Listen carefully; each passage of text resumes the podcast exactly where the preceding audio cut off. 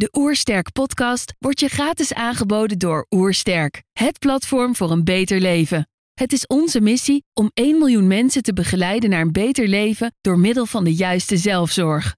Wil je weten hoe jij kunt werken aan een beter leven? Ga dan naar www.oersterk.nu slash gezondheidscheck voor onze gratis gezondheidscheck en krijg direct jouw uitslag met persoonlijk advies. Mijn naam is Jesse van der Velde en je luistert naar de Oersterk podcast.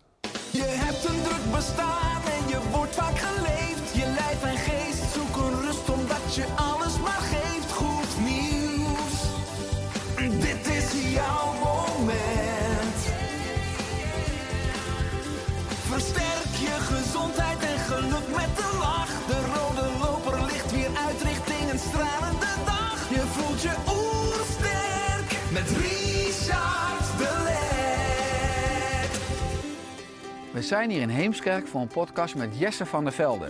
Jesse is eigenaar van twee bedrijven, BioProfile en Superfoodies. Ook is hij auteur van meerdere boeken. De titel van zijn laatste boek is Spirituele Detox. Ik ben benieuwd naar zijn tips voor een beter leven. Trouwens, geniet je van onze podcast? Abonneer je dan en laat een reactie of review achter. Zo help je ons om het gezondheidsvirus te verspreiden. Let's start! De Oersterk Podcast. Een ontdekkingstocht naar een beter leven. Jesse, welkom. Dankjewel, dank voor de uitnodiging. Ik lees op je website fysieke en spirituele gezondheid. Bewandel een transformerende reis naar deel 2 van je leven. Kun je dit toelichten? Ja. Ik denk dat we allemaal een deel 2 hebben. Namelijk, we leven de eerste misschien wel 30, 40 jaar van ons leven met een bepaalde veronderstelling. Een bepaalde identiteit die we graag willen, maar meestal ook heel erg nodig hebben. En dan op een gegeven moment dan is er ergens een grote shift in ons leven. Dat we ons opnieuw beginnen af te vragen wie ben ik echt en wat wil ik graag. En voor sommige mensen is die shift een burn-out. Voor sommige mensen is dat een midlife crisis. En gaat dat gepaard met een grote Harley Davidson. Eh, dat, dat kan op allerlei manieren gebeuren. Ergens denk ik dat zo'n shift ook een nieuw spiritueel bewustzijn is. Namelijk je af te vragen: waarom heb ik dat wat ik altijd heb gedaan, wat ik zo nodig had, waarom deed ik dat eigenlijk echt? En naar mijn ervaring, als ik, dat, als ik mijn verhaal zou vertellen, dan was dat absoluut omdat ik een bepaald beeld van mezelf aan de wereld laten zien, wilde laten zien. Ik had het zo nodig om aan de buitenwereld te laten zien dat ik succesvol was. Ik was de eerste 15, 16 jaar van mijn leven zo alleen en gepest geweest en een outsider dat er ergens in mij ontstond: ik zal jullie allemaal wel laten zien wie ik ben en wat ik kan. En dat was daardoor een zoektocht en, uh, naar een, een enorme drijfveer om succesvol te worden. En al heel vroeg in mijn leven, precies de zomer dat ik 30 werd, uh, viel dat compleet in duigen, gelukkig. En besefte ik me, dit gaat een nieuwe tijd zijn in mijn leven. Ik besef me dat ik 20 jaar lang niet gezien werd, toen 10 jaar lang tussen mijn 20ste en mijn 30ste zo nodig had om gezien te worden. Oftewel, ik heb het nodig dat jullie mij zo zien, zodat ik mezelf over, op, over mezelf op een bepaalde manier kan voelen. Oftewel, ik heb het nodig hoe jullie mij zien, zodat ik iets kan vervullen wat ik niet in mezelf kan voelen. En daarna begreep ik dat er een tijd zou aanbreken dat ik het niet langer nodig zou hebben om gezien te worden door anderen. Oftewel, dat ik mezelf echt kon gaan zien wie ik ben. En ik besefte me, dat is een nieuwe tijd in mijn leven. Dat is een deel 2. Dat, is een nieuw begin. Het was een begin van een pad van heling. En dat is het tweede deel in de zin die je voorlas. En het eerste deel is fysieke en spirituele gezondheid. Want ik denk dat die twee onlosmakelijk met elkaar verbonden zijn. We hebben een fysiek lichaam, maar we hebben ook een lichaam van emoties. En we hebben een energielichaam. En die informeren elkaar. En je ziet vaak dat mensen dat hun pad van fysieke gezondheid beginnen te bewandelen. Hè. Ze gaan yoga doen of ze gaan trainen of ze gaan een bepaald voedingspatroon volgen. En dan daarna komen ze ook in een pad van diepere heling. Namelijk, het fysieke lichaam is geheeld. Daarna gaan ze dieper kijken. Gaan ze misschien wel een nieuw spiritueel pad bewandelen. Omdat gezondheid is niet alleen maar fysieke gezondheid. Je kunt letterlijk bij je dragen wat niet van jou is. Je kunt letterlijk oude energie, oude pijn, oud verdriet, wat misschien wel door jouw ouders op jou is overgedragen, bij je dragen. En je kunt letterlijk ziekte in het energieveld bij je dragen, energetisch. Die van generatie op generatie wordt overgedragen. Ik geloof dat niet alleen maar ziekte genetisch wordt overgedragen, maar ook energetisch. En ik geef gerust voorbeelden daarvoor als je daar dieper op in wilt gaan. Ehm, dus daarom is gezondheid en vitaliteit is zoveel meer alleen dan dat we kunnen vasthouden en wat we kunnen zien. Hm, mooi, je zegt veel essentiële dingen. Je zegt ook dat voor jou dat kantelpunt in 2016 kwam.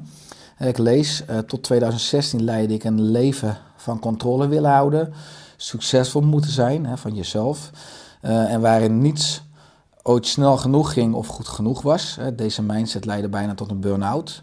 Plotseling veranderde in één nacht mijn hele kijk op het leven en begon een pad van ontdekken waar mijn hart echt ligt. Wie ik ben, wat mijn waarheid is en wat ik droom voor mijn leven. Uh, wat gebeurde er in die nacht? Ja, nou ja, een goede vriend van mij, eh, die je misschien wel kent, eh, David, David de Kok van uh, 365 dagen succesvol. Ik weet eigenlijk helemaal niet of hij het leuk vindt dat ik dit zijn naam erbij noem. Bij deze? Die vierde zijn verjaardag bij deze David. Die vierde zijn verjaardag uh, bij een oude medicijnman in de bossen, die je later ook hebt ontmoet. Ik wist helemaal niet wat we gingen doen dat weekend. Uh, David's instructie was, uh, neem handdoeken mee, neem water mee, neem eten mee, neem een slaapzak mee. Dus ik appte terug, oké, dus als ik het goed samenvat, dan wordt het koud, wordt het nat, dan krijgen we niks te eten. En dit is jouw verjaardag. En we, gingen, we begonnen met de zweetceremonie die dag en dat was prachtig. Een prachtig ritueel. Man die al 30, 35 jaar lang zweetceremonies uh, had gegeven en dat had geleerd van de oude Lakota-Indianen. En dat op een geweldige traditionele manier overdraagde hier aan ons in Nederland. Hij woont nu niet meer in Nederland helaas. Ja, en die man die bleef het maar steeds hebben over het medicijn. En ik had helemaal geen idee wat hij bedoelde, totdat ik ongeveer een uur van tevoren uh, begon, begon, te dagen. En ik dacht, ga ik nu een beetje drugs met elkaar lopen doen, dacht ik. Ik dacht, is dit een of andere vage secte of iets dergelijks? Maar weer een andere vriend van me, Albert Zonneveld, die jou kent, die zei altijd, het universum maakt geen fouten. En ik besloot dat maar te gaan vertrouwen, gewoon los te laten en mee te gaan. En de synchroniciteit van de dingen die zich voordeden. En we gingen paddenstoelen eten. Golden Teachers, een heel spirituele paddenstoel. En toen begreep ik ook die avond, dit is echt een medicijn. Je kunt een paddenstoel eten met een intentie om iets te ontvluchten. Als drugs. Ik ga naar een feest en ik wil graag iets voelen. Ik wil me blij voelen. Ik wil mijn leven vergeten. Ik wil me even ontspannen. Hè? Misschien zoals we alcohol ook wel vaak gebruiken als intentie. En dan is zoiets is drugs. Maar ik begon te begrijpen, dit is eigenlijk een medicijn wat onze moeder aarde ons presenteert. Want wanneer we dit nemen met een intentie om naar onszelf te kijken, om stil te worden, om onze ogen te sluiten, om af te vragen, wat is het dat in mij leeft dat mij niet dient? Wat is het dat in mij leeft dat misschien wel emotioneel conflict veroorzaakt, of misschien wel ziekte zelfs veroorzaakt, of struggles in mijn leven veroorzaakt, of mij doet zoeken naar bepaalde dingen die ik buiten mezelf zoek, die ik niet in mezelf kan voelen, wat dan ook. Als we dit nemen met een intentie van heling, dan, dan presenteert zo'n plantmedicijn, presenteert ons aan ons, dit is wie je bent, dit is wat er in je leeft. Het vergroot, een plantmedicijn heeft de gelegenheid om te vergroten dat wat in ons leeft. Het kan niet iets vergroten wat niet in ons leeft. Als ik nog boos ben op iemand, als, ik, als er iets in mijn leven is gebeurd en ik heb dat persoon niet kunnen vergeven of niet willen vergeven, als ik misschien wel een grote verwachting heb van mijn man of vrouw, mijn levenspartner, over hoe diegene iets behoort te doen. Maar dat klopt eigenlijk niet. Dat, dat, dat, dat is een verwachting in mij, maar diegene die hoort dat niet te doen. Bijvoorbeeld, eh, jij hoort mij gelukkig te maken. Of jij hoort dit te brengen in de relatie. Dat klopt natuurlijk intrinsiek niet. Dat simpelweg als voorbeeld te geven. Het plantmedicijn heeft als, heeft als vermogen om uit te vergroten wat in ons leeft. En dan kunnen we daar opnieuw naar gaan kijken. Dan kunnen we ons afvragen, is dat de manier waarop ik dit wil blijven doen in mijn leven?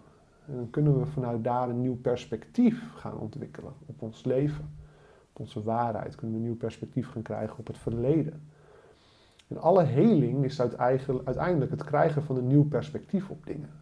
namelijk, we hebben tot nu toe op een bepaalde manier ergens naar gekeken. We hebben misschien een zakenpartner gehad die ons heeft genaaid.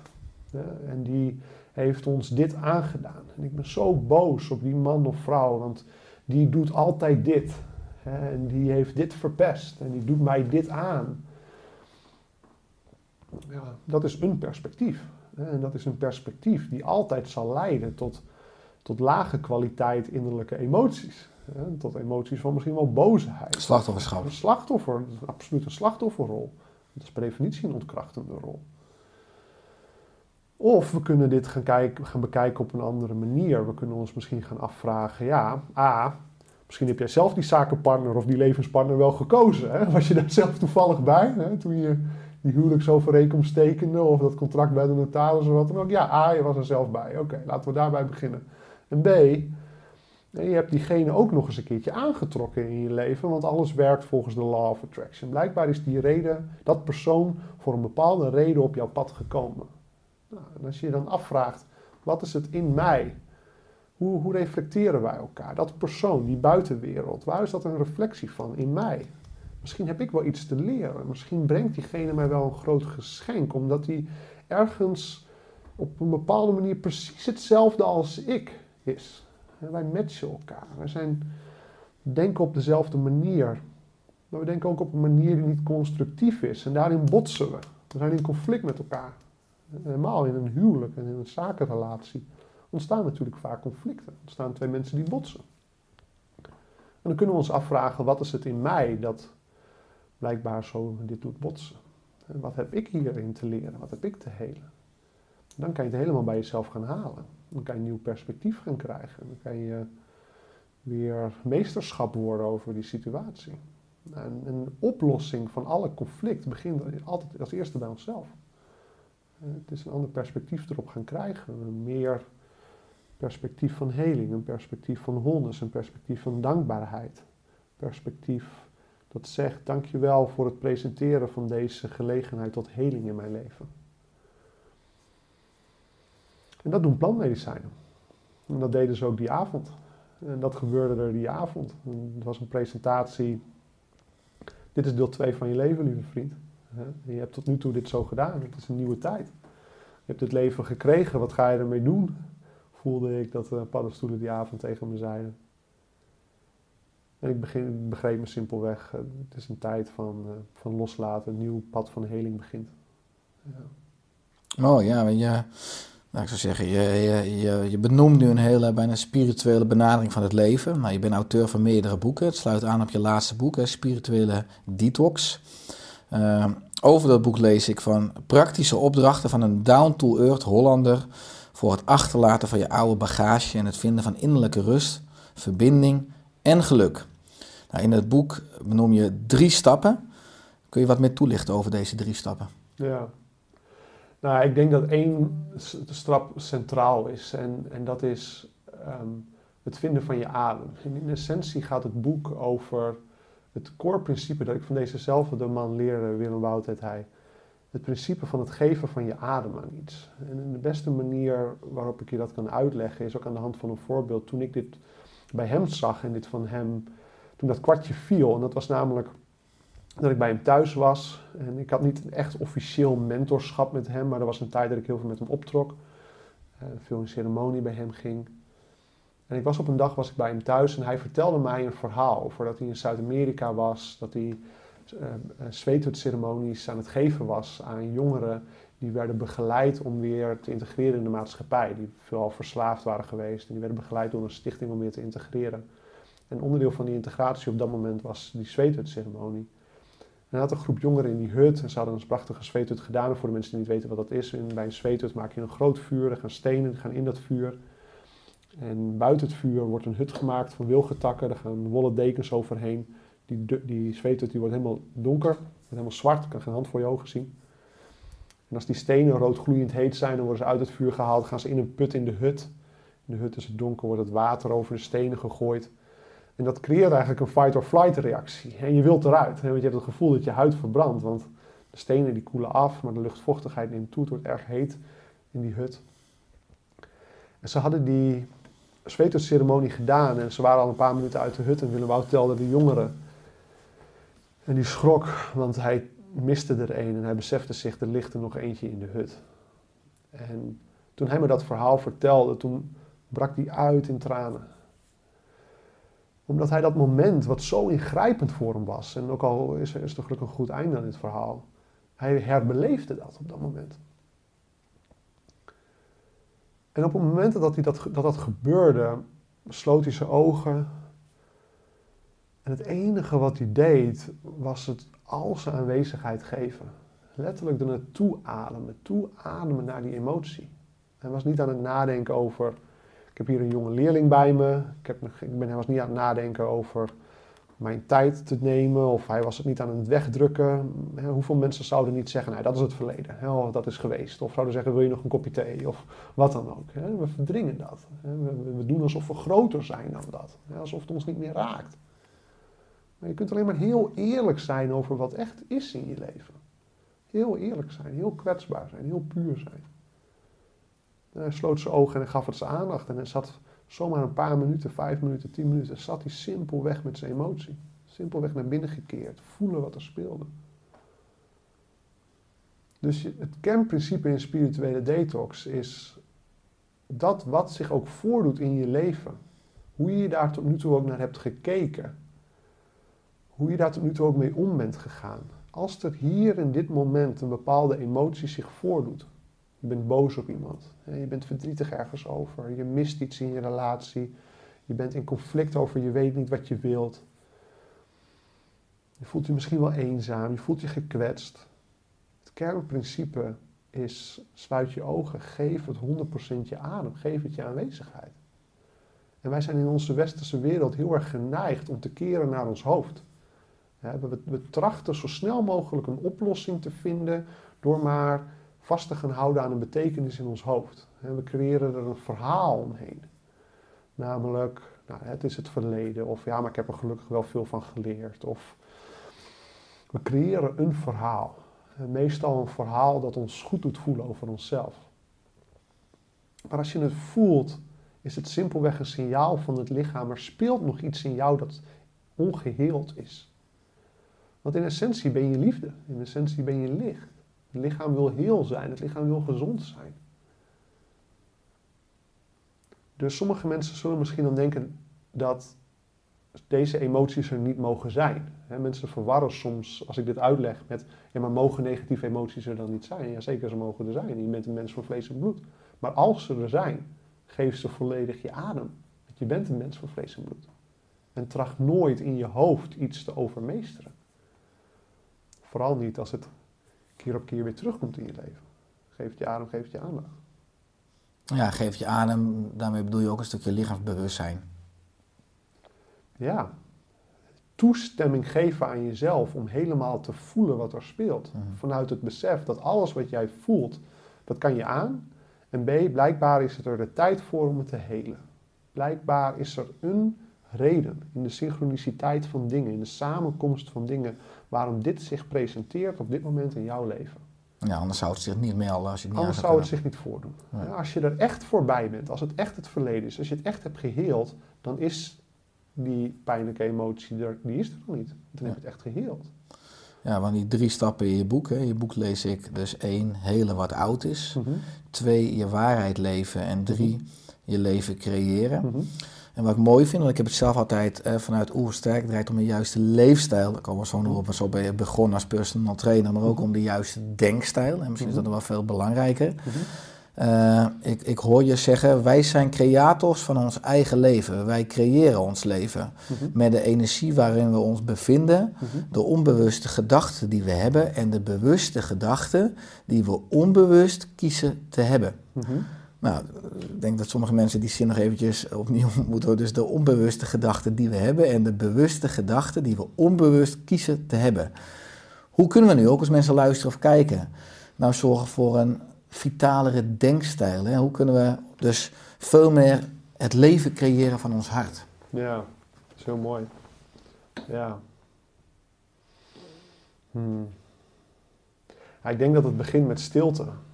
En ik denk dat het begint met kunnen zijn in overgave. Wij hebben een mind die heel erg is ontwikkeld. We hebben een cultuur waarin de ontwikkeling van de mind heel sterk voorop staat. Trachten controle te nemen feitelijk over alles. Over je tijd. Je moet, op de basisschool word je al geconditioneerd. De bel gaat en dan moet je je jas ophangen en dan moet je daar gaan zitten en dan moet je je mond houden. En dan moet je dit doen, zus, zo.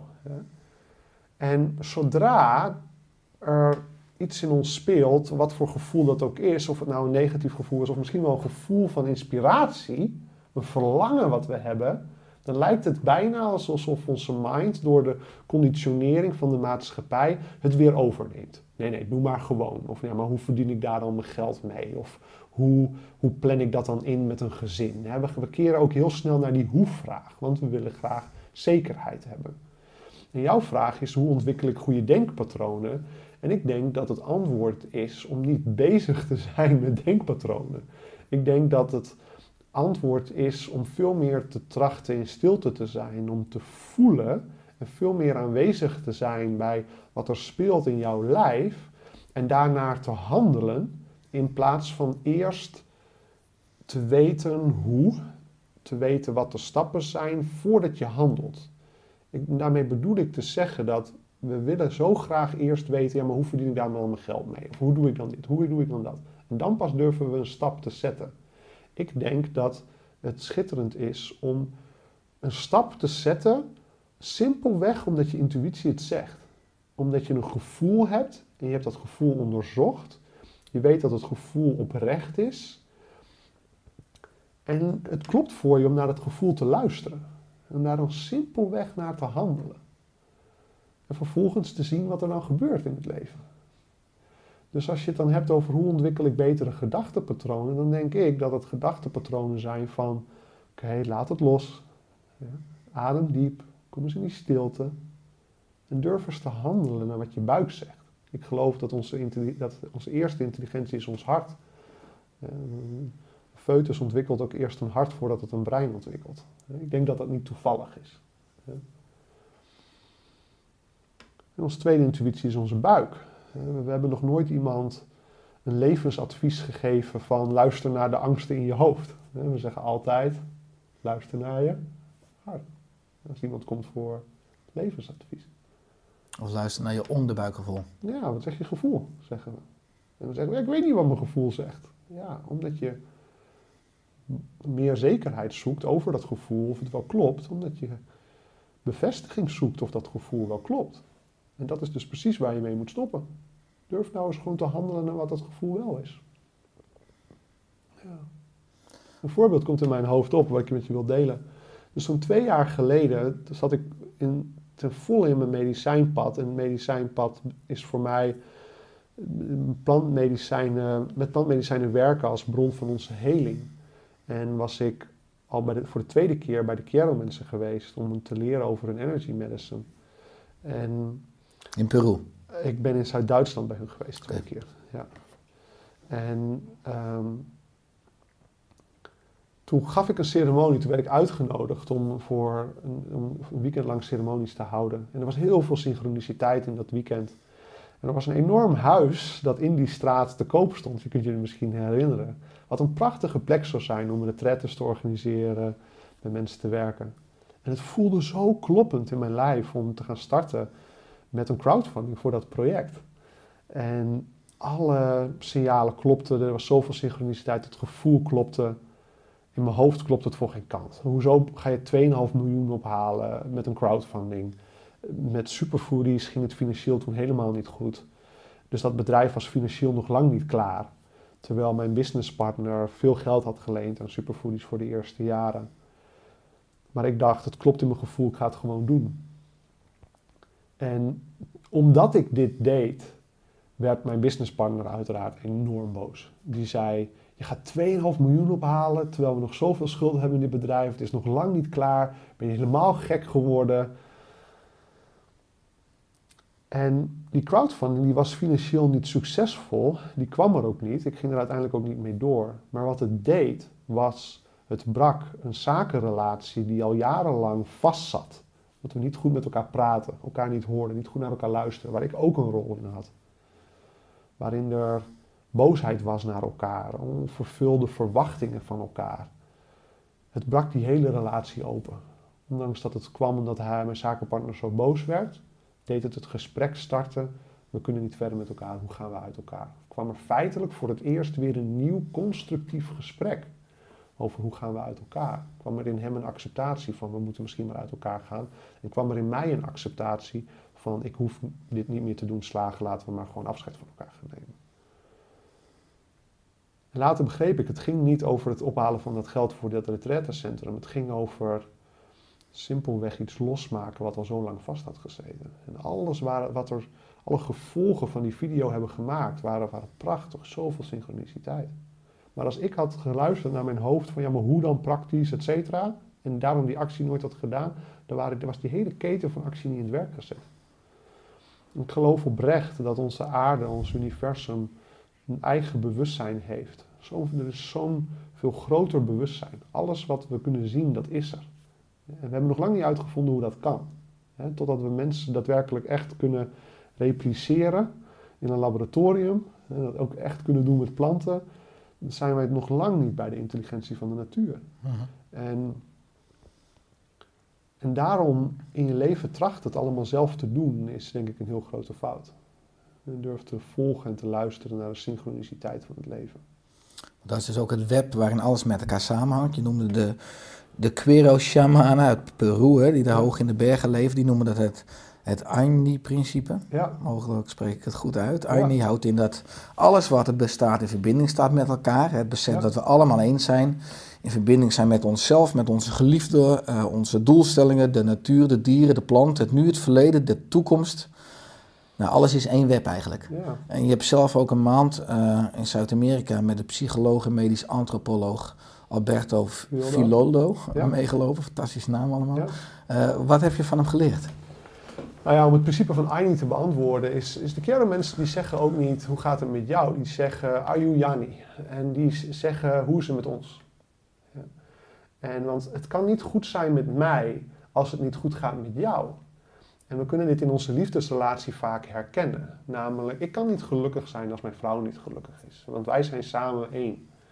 En datzelfde principe geldt ook voor jouw relatie met je kinderen, geldt voor je relatie met onze moeder aarde. Geldt voor relatie met je familie, geldt voor met alles wat leeft. Er is geen toekomst voor ons als mensheid als wij ons niet beginnen te beseffen dat wij dat in complete harmonie moeten doen met onze moeder aarde. Dat we volledig zullen moeten leren luisteren naar de signalen die zij geeft. Want zij heeft geen mond, maar zij spreekt wel met ons. Zij spreekt met ons met het vuur, met de orkanen, met de afsterving van de bijen. Dat is allemaal een reflectie van onze aanwezigheid hier op deze planeet. En wij kunnen dat alleen maar observeren en trachten welke rol speel ik in die harmonie. En hoe moet die rol zijn voor een toekomstig bestaan voor ons als mensen.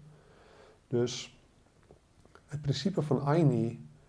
ehm, een ander voorbeeld dat, dat, dat, ehm, dat, dat te binnen schiet is als iedereen in een, misschien wel een feestje viert. eh, dat mag bijna niet meer in deze tijd. En er komt één iemand binnen die, die, die laaiend boos is en begint te schreeuwen. Die is niet echt in harmonie met dat feestje. En die heeft invloed op die hele omgeving.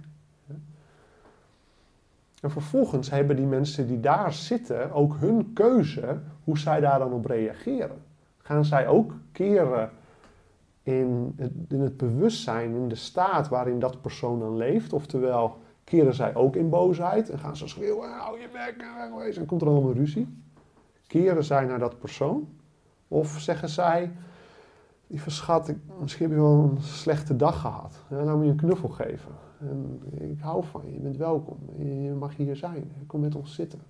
Geniet. Dan keer ik dat persoon met ons mee in ons, onze harmonie waarin wij ons op dat moment bevinden. In, dat, in dat feestje, in die bijeenkomst. Dus wij hebben altijd op ieder moment de keuze die wij maken voor de rol die wij spelen in de harmonie van het geheel. En dat is een hele belangrijke keuze om te maken op alle gebieden in je leven. In je, wat breng ik in in mijn gezin? Wat breng ik in in mijn liefdesrelatie? Wat breng ik in in, in de omgeving waarin ik werk? Wat breng ik in in mijn aanwezigheid op deze planeet? Ja, vanuit het perspectief als je een druppeltje inkt in een grote emmer water gooit, kleurt alles wat blauwer. Dus, dus je, hebt, je hebt het vermogen om ook je hele omgeving of je hele wereld dus te Exact. beïnvloeden met je eigen staat. Ja, exact. exact. Alleen al jouw eigen perceptie op het geheel kiezen we constant. Ik geloof dat er twee primaire keuzes zijn die we maken in het leven. En dat zijn eigenlijk ook de enige twee keuzes die we echt hoeven te maken, maar we maken ze iedere keer opnieuw. En dat is namelijk A, wat leef ik op dit moment? Wat leef ik nu in mij? Hoe zit ik hier? En dat is een keuze die ik iedere keer opnieuw kan maken. Terwijl ik hier zit en ik ben aan het vertellen, dan roept het misschien iets ouds in mij op van boosheid. En kan ik daar simpelweg doorheen ademen en terugkeren naar liefde. Of ik ben in het gesprek met iemand anders en diegene die zegt iets tegen mij wat iets in mij triggert. Ga ik daarin mee? Ga ik tegen diegene zeggen dat het zijn schuld is? Of ga ik zeggen, ik adem er doorheen? We maken constant keuzes over wat leven wij in dit moment. En dan twee, wat is mijn droom voor mijn leven? En wat wil ik brengen? Wat is mijn lange termijn visie? In essentie zijn dat de enige twee keuzes. En zijn dat twee keuzes die we iedere keer weer opnieuw maken. Mhm. Ja. Nou, als je kijkt naar de moderne mens. Hè, eh, de moderne mens wordt steeds zieker. Als je kijkt naar het aantal chronische ziekten, wordt steeds dikker. Nou, ik begon de podcast al met fysieke en spirituele gezondheid. Eh, ik lees eh, ook op je website, wij geloven niet in ziekte en veroudering. Mhm. Waar geloof je wel in? Hmm. En dat heeft weer een beetje raakvlak als ik de brug maak naar je nieuwe magazine, hè, het Lange Leven magazine. Mhm. Daar schrijf je in het voorwoord, hè, lange leven gaat vooral over gezond blijven totdat je sterft. Dus een Mhm. gezondheidsduur die net zo lang is als onze levensduur. Dat is Ja. natuurlijk een hele andere benadering dan Ja. ziekte en veroudering. Ja. Nou, kijk, weet je, ziekte. De reden waarom ik zeg geloof niet in ziekte is omdat ik simpelweg geloof dat ziekte is de afwezigheid van gezondheid. Het, is net als dat donker is de afwezigheid van licht. En wanneer we met ons voedingspatroon, met onze levensstijl, ehm, in overgave zijn aan dit schitterende lijf dat we hebben gekregen en daar dienend aan kunnen zijn. Namelijk, hoe dien ik dit lijf, hoe ondersteun ik het zelfhelende vermogen van mijn lichaam, dan zal het lichaam, zal ik het de gelegenheid geven aan mijn lichaam om te helen. En dan geloof ik dat mijn lichaam dat altijd kan. Wij kennen allemaal de voorbeelden van mensen, terminale kankerpatiënten, die, worden, die, werden, naar huis werden gestuurd door onze reguliere westerse zorg. En die hebben weten te overleven. En die werden naar huis gestuurd, zo ik kan niks meer voor je doen. En er zijn wereldwijd duizenden voorbeelden van mensen, soms zo niet tienduizenden of honderdduizenden, die op dat moment een voor de westerse zorg alternatieve manier hebben gevonden en hebben weten te overleven. Ja, dus een radicale remissie hebben Exact, gehad. ja.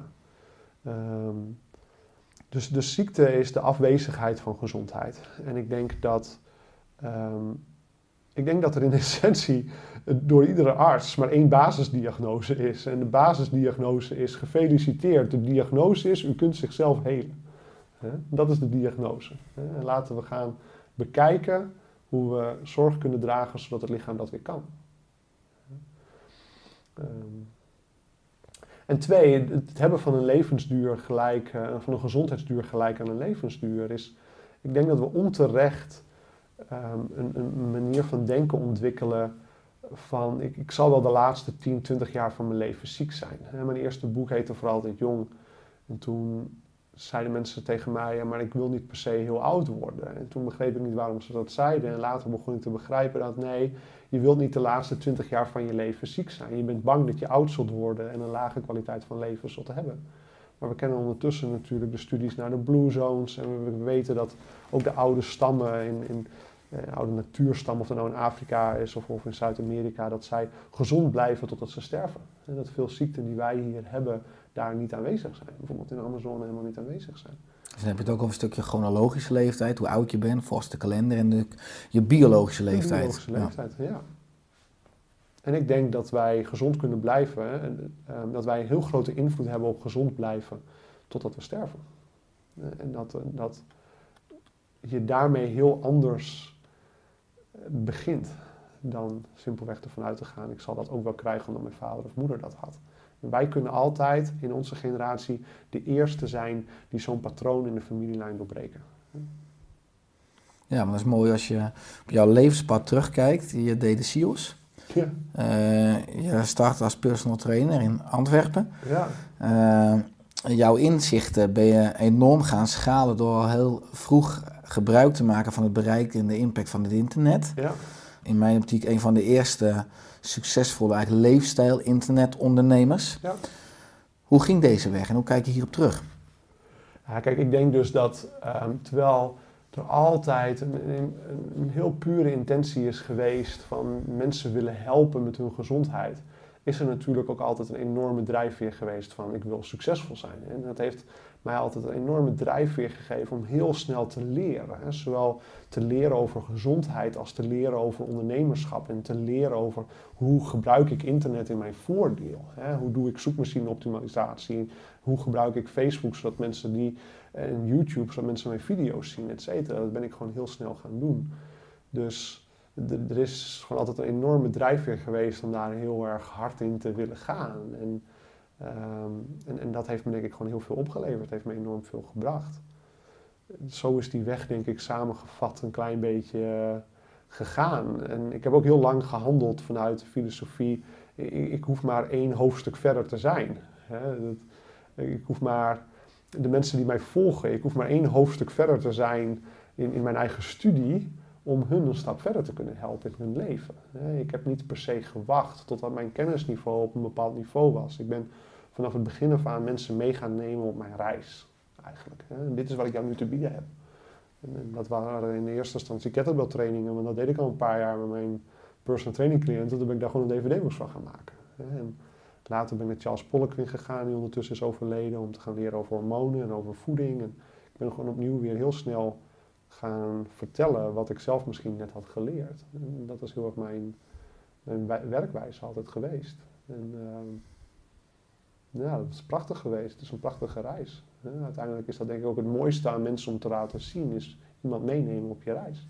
En dat heb ik ook altijd teruggekregen van mensen van, nou, ken je, volg je al tien jaar online en waar ben je gegroeid? Mensen vinden de transformatie die iemand anders maakt altijd het mooiste om te zien. Mhm. Ja, maar primair richt je meer zeg maar, op het stuk fysieke gezondheid. Je noemt beweging, uh, je noemt voeding. Uh, ik lees ook op je website, tot je dertigste is je lichaam er voor jou. En daarna moet je er voor je lichaam zijn. Mm -hmm. Wat kunnen... voor jou gejat. Oh ja? nou, ik vond het wel een hele, hele wijze quote, ja met liefde. Uh, wat kunnen mensen ook als ze luisteren en kijken ook doen? Want ik bedoel, nogmaals, veel mensen ontdekken onze podcast, ook die nou, nieuw zijn op leefstijlgebied. Hè? Wat zijn in jou op die krachtige pijlers die je misschien ook in je eigen leven integreert als je het hebt over voeding, beweging of ontspanning? Voeding, beweging, ontspanning. Um, ja, het is zo gewoon geworden door de jaren heen um, dat ik moet terugkeren naar wat, is misschien voor een ander ongewoon. Um, ik, ik, denk dat hoe veelzijdiger ons voedingspatroon is, hoe, hoe, breder ons referentiekader wordt. Ik denk dat ons lichaam heel goed kan aangeven wat het nodig heeft. Alleen dat als je alleen maar naar McDonald's gaat, dan is je enige referentiekader McDonald's. Dus als je lichaam omega-3 vetten nodig heeft, dan heb je zin in een vette hap, want dat is je referentiekader.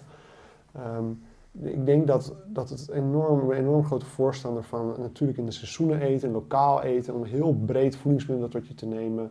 Want je lichaam wordt oprecht een kompas dat enorm goed weet wat het nodig heeft. Dus ik denk dat wanneer we bezig gaan met gezonder eten, je moet snappen dat je bent op een pad van ontdekken wat goed voor jou werkt. En ik denk dat je moet accepteren dat dat volledig oké is. Dat dat een jaar of een paar jaar duurt en je daar ook nog jarenlang verder in zult gaan ontwikkelen. En dat je moet genieten van die reis. Ik denk dat de grootste fout in mindset, en dan kom toch weer terug op mindset, ik zal zo inhoudelijk een advies geven, maar ik denk dat het zo overkoepelend is. Dat mensen te snel een resultaat willen. Ze leven zo in anticipatie op dat resultaat. Ze zijn zo ontevreden dat het niet, sneller, niet snel genoeg gaat. Maar je moet kunnen genieten van de reis die je aan het maken bent. Dat iedere maaltijd een stap vooruit is. Ieder stuk groen dat je eet een stuk verbetering is. Um, ik tracht daarnaast gewoon altijd een basis te hebben van wat leeft. Wat is levende voeding? Wat is zo dicht mogelijk uit de natuur? Gewoon groentes, eh, fruit in, in, in, in hoeveelheid. Dat past bij je lichaamstype en bij je vetverbranding, doelstellingen. Um, maar zoveel mogelijk groenten te eten. We hebben mijn eigen moestuin en ik, vind niks fijner als naar buiten lopen en zelf mijn palmkool plukken en sla en... Snijbiet en dat soort dingen. En dat vervolgens in een smoothie doen. En ik vind bijna niks fijner dan dat. Ik, ik geloof oprecht dat, dat wanneer we allemaal een eigen moestuin hebben, dan dat, dat lost heel veel wereldproblemen op. Omdat, heb, je wel eens een, een gestreste moestuinier gezien? Die zijn er heel weinig. Die mensen die een moestuin hebben, die leven in zoveel harmonie met onze planeet. Schitterend. En ik denk dat je dat overal waar je woont kunt integreren. Je kunt ook wel potjes in huis hebben met dat dingetjes te groeien. Of misschien gewoon te gaan kiemen. Dat is zo'n belangrijke basis van levensstijl. Ga kiemen of ga fermenteren of ga een paar potten neerzetten om dingen te groeien. Dat zal zo'n belangrijk begin zijn. Ehm, nou, en ik tracht altijd te kijken naar de seizoenen. Ik tracht te kijken naar de processen van het lichaam. En daar bedoel ik mee, hoe zorg ik dat ik de voedingsstoffen binnenkrijg die ik nodig heb, maar ook hoe, draag ik bij aan mijn lichaams eigen ontgifting. Eh, ik denk dat we onterecht vaak ontgiften associëren met, oké, je moet naar die pizza en je krijgt een slang in je hol en je moet gaan ontgiften. Maar je moet niet vergeten, hè, je lever, je nieren, je darmen, die zijn iedere dag voor jou bezig om te ontgiften. En wanneer je die er keer fel instopt, dan geeft het, het een zware klus. En uh, hoe draag ik daaraan bij? Uh, zorg dat ik die vitamines binnenkrijg, algen binnenkrijg, spirulina, chlorella of andere algen die bijdragen aan die ontgifting. Dat zijn enkele van mijn basisprincipes. Gewoon veel water drinken op een dag. Gewoon echt heel veel water drinken. Ja, ik bouw gewoon op vanuit voedingsstoffen, veel water, levende voeding. En rest will take it from there. En vooral ook gewoon heel erg genieten van de dingen die je, die je wilt hebben en die misschien niet goed zijn. Uh, wij hebben een tijd lang heel veel gezondheidsanamneses gedaan, hè, de bioprofiel vragenlijst. Iets van 15.000 mensen hebben die 300 vragen beantwoord, waardoor we heel veel data hadden. Ik zag structureel dat de mensen die hun voedingspatroon het meest perfect deden, de meeste klachten hadden omdat je kunt gewoon niet een teveel aan stress met gezonde voeding compenseren. Je kunt niet gezond zijn met een mindset van ik moet dit voedingspatroon perfect uitvoeren. Want de stress die daarmee gepaard gaat, het niet in dankbaarheid leven voor dit lijf, het leven met, die, met dat perfectionisme, met de angst dat het anders niet goed genoeg gaat. Dat weegt zoveel zwaarder dan die vitamines die je binnenkrijgt. En die mensen hadden altijd huidproblemen, andere uitingen van te veel stress. Ja. Ja, als je zegt van een moestuin, dan beweeg je automatisch ook. Dus dan heb je Ja. al voeding en beweging in één. Ja. Maar heb je zelf een bepaalde, een bepaalde blauwdruk van een goede dag? Of zeg maar, je, je eet veel uit je eigen grote moestuin, je beweegt. Ja, ik douche altijd koud. Ik vind het heerlijk. Ik denk dat het ook schitterend is om daar meester over te zijn. Om niet bang te zijn voor de kou. Ik denk dat er enorm veel te ontdekken is in de kou. Ook lang in een ijsbad zitten brengt je echt in een geweldige staat van bliss en van zijn. Het is, eh, er is zoveel magie daarin te ontdekken. Ik tracht altijd ook momenten met blote voeten op de aarde te lopen. Ik ben een enorme hippie wat dat betreft, maar ik geloof erg in aarde. Ehm, ik hecht enorm veel waarde aan mijn slaap. Ehm, ik, ik tracht altijd om 9 uur alle apparaten weg te doen. Om eh, als ik nog druk ben, ehm, naar buiten te gaan, te wandelen om het gevoel van drukte aan mijn lijf te krijgen. Ik vind slaap heel erg belangrijk. Maar opnieuw, als het er niet is, ga ik me er ook geen zorgen over maken. Ehm, ik tracht maximaal drie maaltijden in een dag te eten of juist later gaan starten met eten. Een van de twee principes.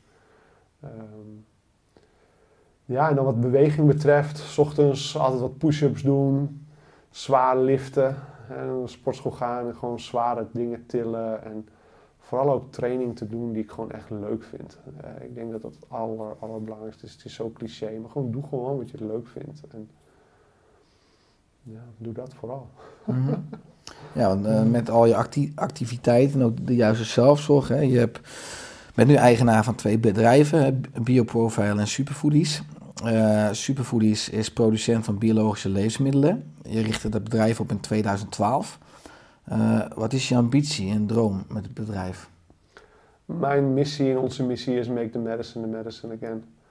Ik, ik droom dat we leven in een wereld waarin de voorkeursmedicijnen weer voortkomen uit wat onze moeder aarde ons geeft. Als ik naar een huisarts ga vandaag en ik heb hoge bloeddruk, dan, dan krijg ik een beta-blokker mee. In plaats van dat die huisarts aan mij vraagt, eh, hoe zit het met uw magnesiuminname? Laten we eens een magnesiumtest doen. Hoe zit het met uw omega-3-inname? Heeft u stress? Ik droom in een wereld waarin dat weer onze voorkeursmedicijnen zijn. Ehm, Wat Hippocrates ook zei. ja, tuurlijk. Simpel. Laat voeding een Ja, medicijn laat zijn. voeding een medicijn zijn. En laat het vooral weer het voorkeursmedicijn zijn in de westerse wereld. Dat zijn onze echte medicijnen. En dat is make the medicine the medicine again. Laat dat weer ons voorkeursmedicijn zijn. Als eerste en dan misschien later nog andere meer. Maar even- laten we Eh, starten. Laten we vooral ook voorop zetten dat ik enorme voorstander ben van de westerse zorg. Het, het heeft levens in mijn familie gered. Eh, mijn vader die heeft eh, meerdere omleidingen rond zijn hart. En ik ben enorm dankbaar voor onze eh, westerse zorg. Eh, Er ontbreken ook een paar dingen. Mhm. Eh, en en daar moeten we samenwerken. Ja. Ja, maar als je het hebt over jullie activiteiten van het hele team. eh, via Facebook bijvoorbeeld bereik je met jouw team enorm veel mensen. Maar het gaat echt over enorm veel mensen. Eh, Per jaar hebben jullie ongeveer 33 miljoen views. Eh, 33 miljoen, moet je nagaan. Eh, dat leidt tot veel reacties, positief, negatief. Hoe ga je daarmee om? Of, of ben je daar inmiddels al helemaal los van? Nou ja, je had het over de, de, de tweede stap in spirituele detox, is het vinden van je waarheid. Ik, ik denk dat je het erg vindt wat een ander van je denkt als je je waarheid nog niet echt volledig hebt gevonden.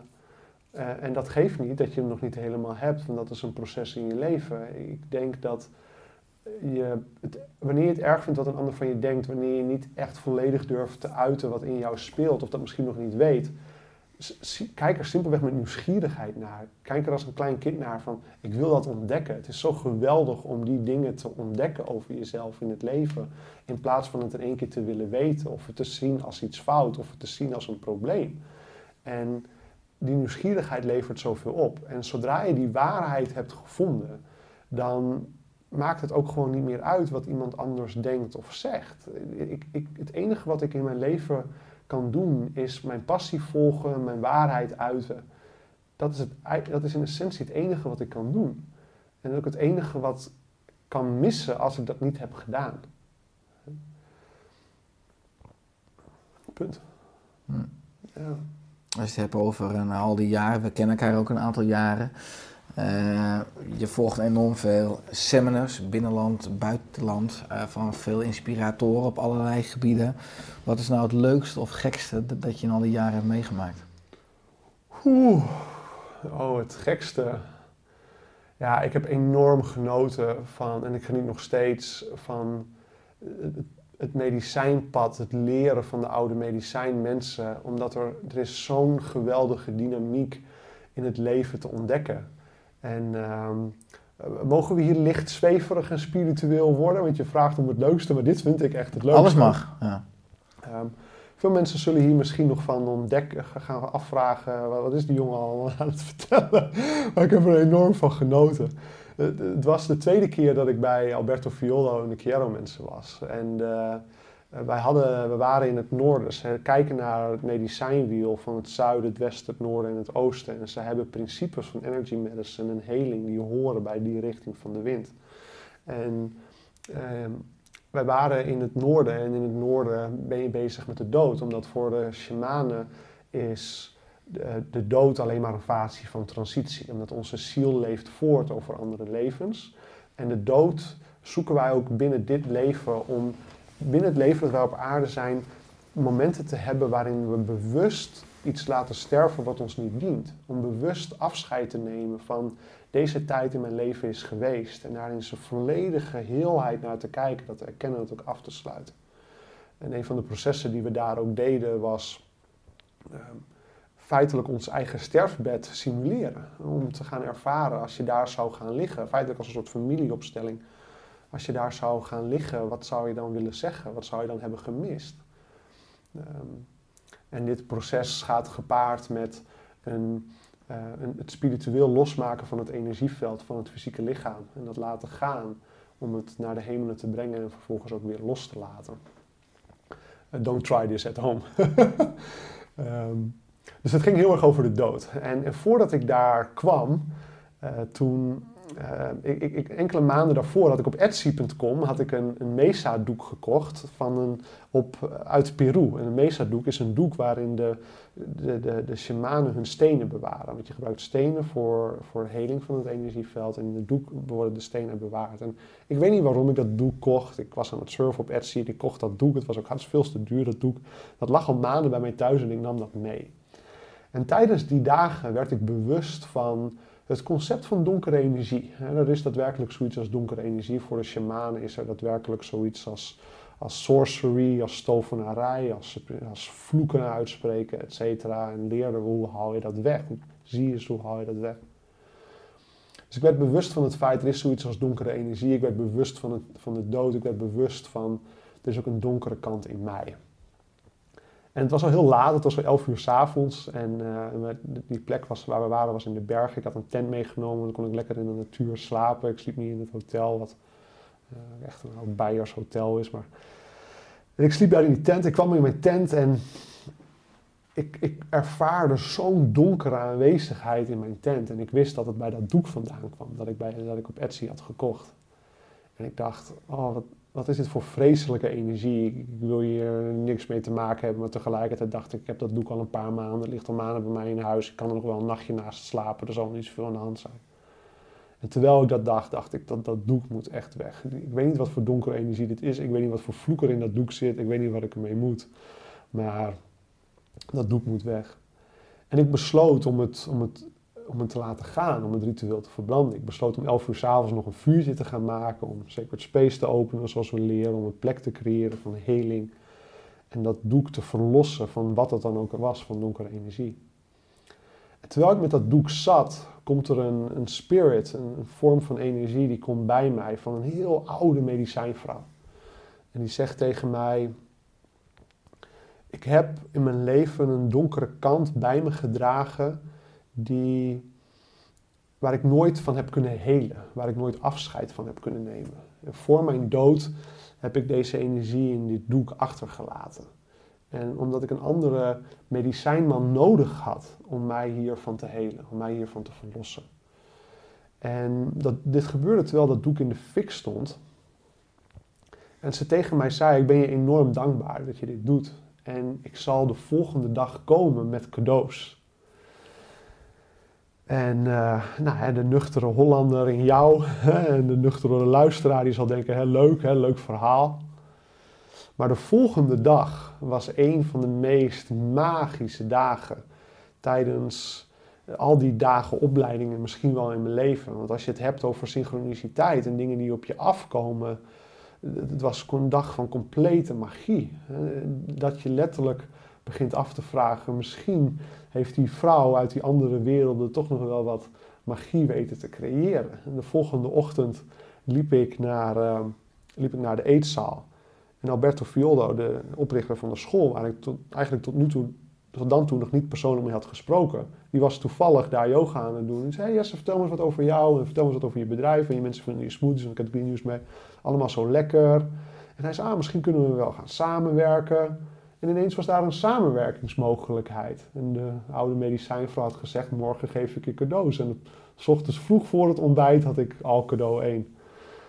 En daarna zaten we in de kring. Ik had verder niks verteld over dit verhaal, maar Alberto als wijze man, die, vroeg aan de groep, eh, Jesse, die vroeg aan de groep, zijn er nog berichten uit de nacht? Is er nog iets te vertellen? En Alberto die zei, Jesse, heb jij nog wat te vertellen? Nadat hij al drie keer had gevraagd, wilde iemand wat vertellen? Want hij zag blijkbaar het verhaal. En het bracht een heel proces van heling voor mezelf en voor de groep. En contacten met Alberto en nieuwe contacten met mensen uit de groep. Allemaal in werking. Dat ik het enige wat ik kon doen was zeggen, dankjewel oude medicijnvrouw. Dankjewel voor de synchroniciteit. En ik denk dat het heel belangrijk is om in het leven. Ik geloof heel sterk in synchroniciteit. Ik geloof heel erg in af te vragen. In de plotselinge dingen die gebeuren, waarom doen die zich voor? Als dit een signaal is van het universum, waarom doet zich dit voor? Je hoeft mijn verhaal hier niet in te geloven. Maar ik denk dat het heel mooi is om je leven af te vragen. Wat presenteert het leven aan mij? En daar heel veel bewustzijn bij te staan. Niet als een trein door het leven te gaan momenten van stilte te nemen, kleine momenten te vieren, eh, kleine ontmoetingen te vieren. En heel veel openheid, met je kokers open. Te wandelen, met heel duidelijke intentie te lopen van waar je naartoe wilt. Want je bent een creator van je eigen leven.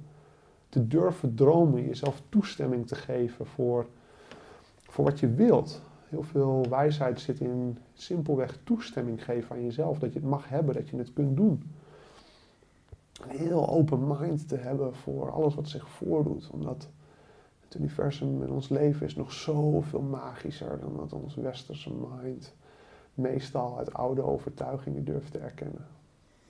Mooi als ik het cirkeltje rond maak. Dan je zei eerder in de podcast, we kunnen ziek worden door genetische en energetische oorzaken. Exact. Zei, misschien komen we er nog op terug Ja. bij deze. Kun je dat wat breder toelichten? Ik geloof oprecht dat hart- en vaatziekte in mijn familie leeft. Want dat eh, leeft. Mijn oma die heeft dat. Mijn vader die heeft dat. Mijn vader die heeft, meer, is meerdere malen gedotterd. Meerdere omleidingen gekregen rond zijn hart. Hebben stents geplaatst om zijn aderen te openen. Meerdere operaties ondergaan. Ehm,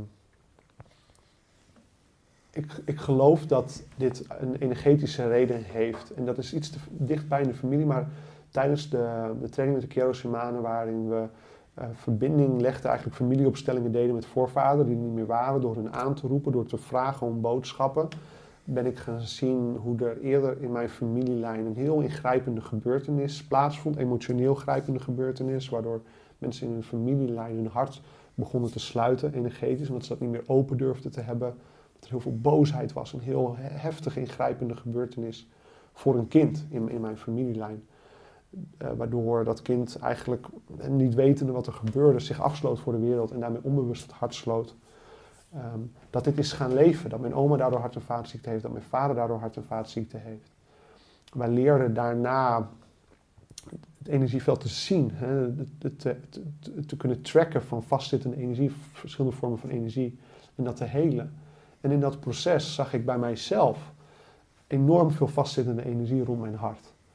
En dit is drie jaar geleden dat, ik, dat dit zich voordeed. En mijn vader was op dat moment al een keer geopereerd en stond weer gepland om weer gedotterd te worden. En in de overtuiging voor de kernmensen is dat wat wij helen in ons leven, dat werkt zeven generaties vooruit en het werkt zeven generaties achteruit. Oftewel, je heelt ook je, misschien zelfs wel de overledenen. Je heelt ook je vader, je grootvader. Transgenerationeel. En zeven generaties terug. Je ja. je kinderen en zeven generaties terug. En terwijl ik deze heling onderging, stond mijn vader weer gepland om gedotterd te worden. Hij was de maanden daarvoor, dat is uiteraard een aanleiding, ze gaan dat niet zomaar doen. Hè. Mijn vader was enorm slecht, was alleen maar hartstikke moe, was super slecht. En toen ik terugkwam, toen vroeg ik aan mijn pa, hoe is het nu met je? Hij zei, ik weet niet wat het is, maar ik voel me de laatste weken echt hartstikke goed. En ze hebben die dottering hebben ze daarna geannuleerd. En mijn vader is daarna nooit meer, nooit meer gedotterd, heeft geen operaties meer ondergaan. En ik geloof oprecht dat dat een energetische oorzaak had. Ik, um, omdat wij in ons energieveld, de, de shamanen noemen dat het luminous body. En ze noemen het het veld van licht. En ze noemen het ook het veld van informatie.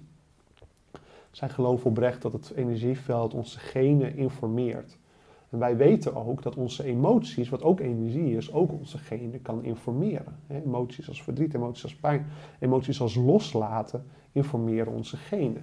Voor een vrouw om zwanger te worden moeten er 50 genen goed staan. Geactiveerd zijn of juist gedeactiveerd. Een gynaecoloog die zei dit ooit tegen mij. En we weten allemaal, we kennen allemaal het voorbeeld van een stel dat jarenlang kinderen wilde krijgen. Die zeggen, oké, ik geef het op. Misschien is het niet voor ons. We hebben alle IVF-trajecten, et cetera, ondergaan. En op het moment dat ze het loslaten, is zij ineens zwanger. En die voorbeelden hebben we allemaal in ons leven. Is dat misschien toeval? Is dat toeval? Of heeft dat iets te maken met loslaten? Heeft dat iets te maken met onze emoties? Dat onze genen informeert? En ik geloof oprecht dat laatste. Het is iets te veel detail om, op in te gaan. Er zijn zoveel vormen van energie, vastzittende energie, vanuit boosheid. We zeggen ook immers, wat zit er op je lever? Oude spreekwoorden. Het is boosheid op onze lever. Onverwerkte emotie. Het is een vorm van energie. Je kunt het niet zien, je kunt het niet zien op een scan. Het is wel aanwezig. En dat is de relatie tussen die twee. En met energy healing kunnen we dat zien en kunnen we mensen helpen dat te helen. Maar vooral is het heel belangrijk dat je dat beseft dat je dat zelf kunt helen. Door die stilte te vinden, door heel erg één te zijn met wat is mijn buitenwereld, wat komt er op mij af? Waar is dat een reflectie van in mij? Welke ziekte doet zich voor in mijn lichaam? Welke struggles zijn er? Waar is dat een reflectie van in mij? Onze ogen te sluiten, onze adem te geven. Daar echt mee te verbinden. En ik geloof dat daarna vervolgens antwoorden komen. Dat er een intuïtief weten is over die ziekte, intuïtief weten wat te doen. Mensen in de geschiedenis zijn soms op een quest gegaan, hè, naar de typische dingen als naar Santiago lopen, et cetera. En die vinden daar antwoorden, die vinden daar heling. Jij kunt dat ook. Jouw lichaam is een zelfhelend mechanisme. Dat jij alleen maar hoeft te dienen. Daar hoeft te luisteren, heel dichtbij hoeft te staan, heel subtiel hoeft te voelen, die signalen te herkennen. daarmee in harmonie tracht te zijn. Mooi. Ja. Is er aan het einde van de podcast nog iets wat je wilt toevoegen? Hmm.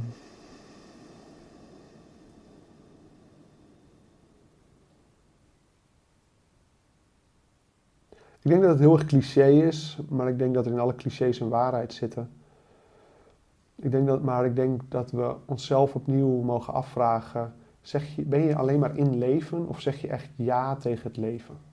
Zeg je echt ten volle ja tegen jezelf, tegen de mensen om je heen, tegen het universum? Ik ben in leven, ik ben dit aan het doen. Ik ben deze creatie aan het maken, ik ben dit pad aan het bewandelen, ik ben aan het ontdekken, ik ben aan het gaan. Durf je te dromen en durf je vervolgens uit te spreken wat je droom is. Ook al weet je nog niet hoe en durf je daarvoor te gaan. In plaats van te denken, nou we zien wel. Durf je in die vrijheid te zijn als een kind dat gewoon wil doen, gewoon wil gaan, dat, dat droomt, dat creëert, dat bewandelt in blijdschap? Of ben je onbewust jezelf iedere keer aan het matigen in je denken? En ik kom in het, in het spirituele werk wat ik doe zo vaak mensen tegen die stiekem eigenlijk niet echt ja zeggen tegen het leven. Dus het is een uitnodiging om dat iedere dag opnieuw te doen. Mooi. Waar kunnen mensen meer informatie vinden over jou, over je boek Spirituele Detox, over de producten van Superfoodies? Over het laatste op, uh, of over het eerste op jesse.tv. Uh, nieuw mee begonnen, nieuw, begonnen met een nieuwe podcast, The Spiritual Game of Business in het Engels. Um, ze kunnen informatie vinden op superfoodies.nl over onze producten. En vooral dat. Dus look me op. Mooi. Ja.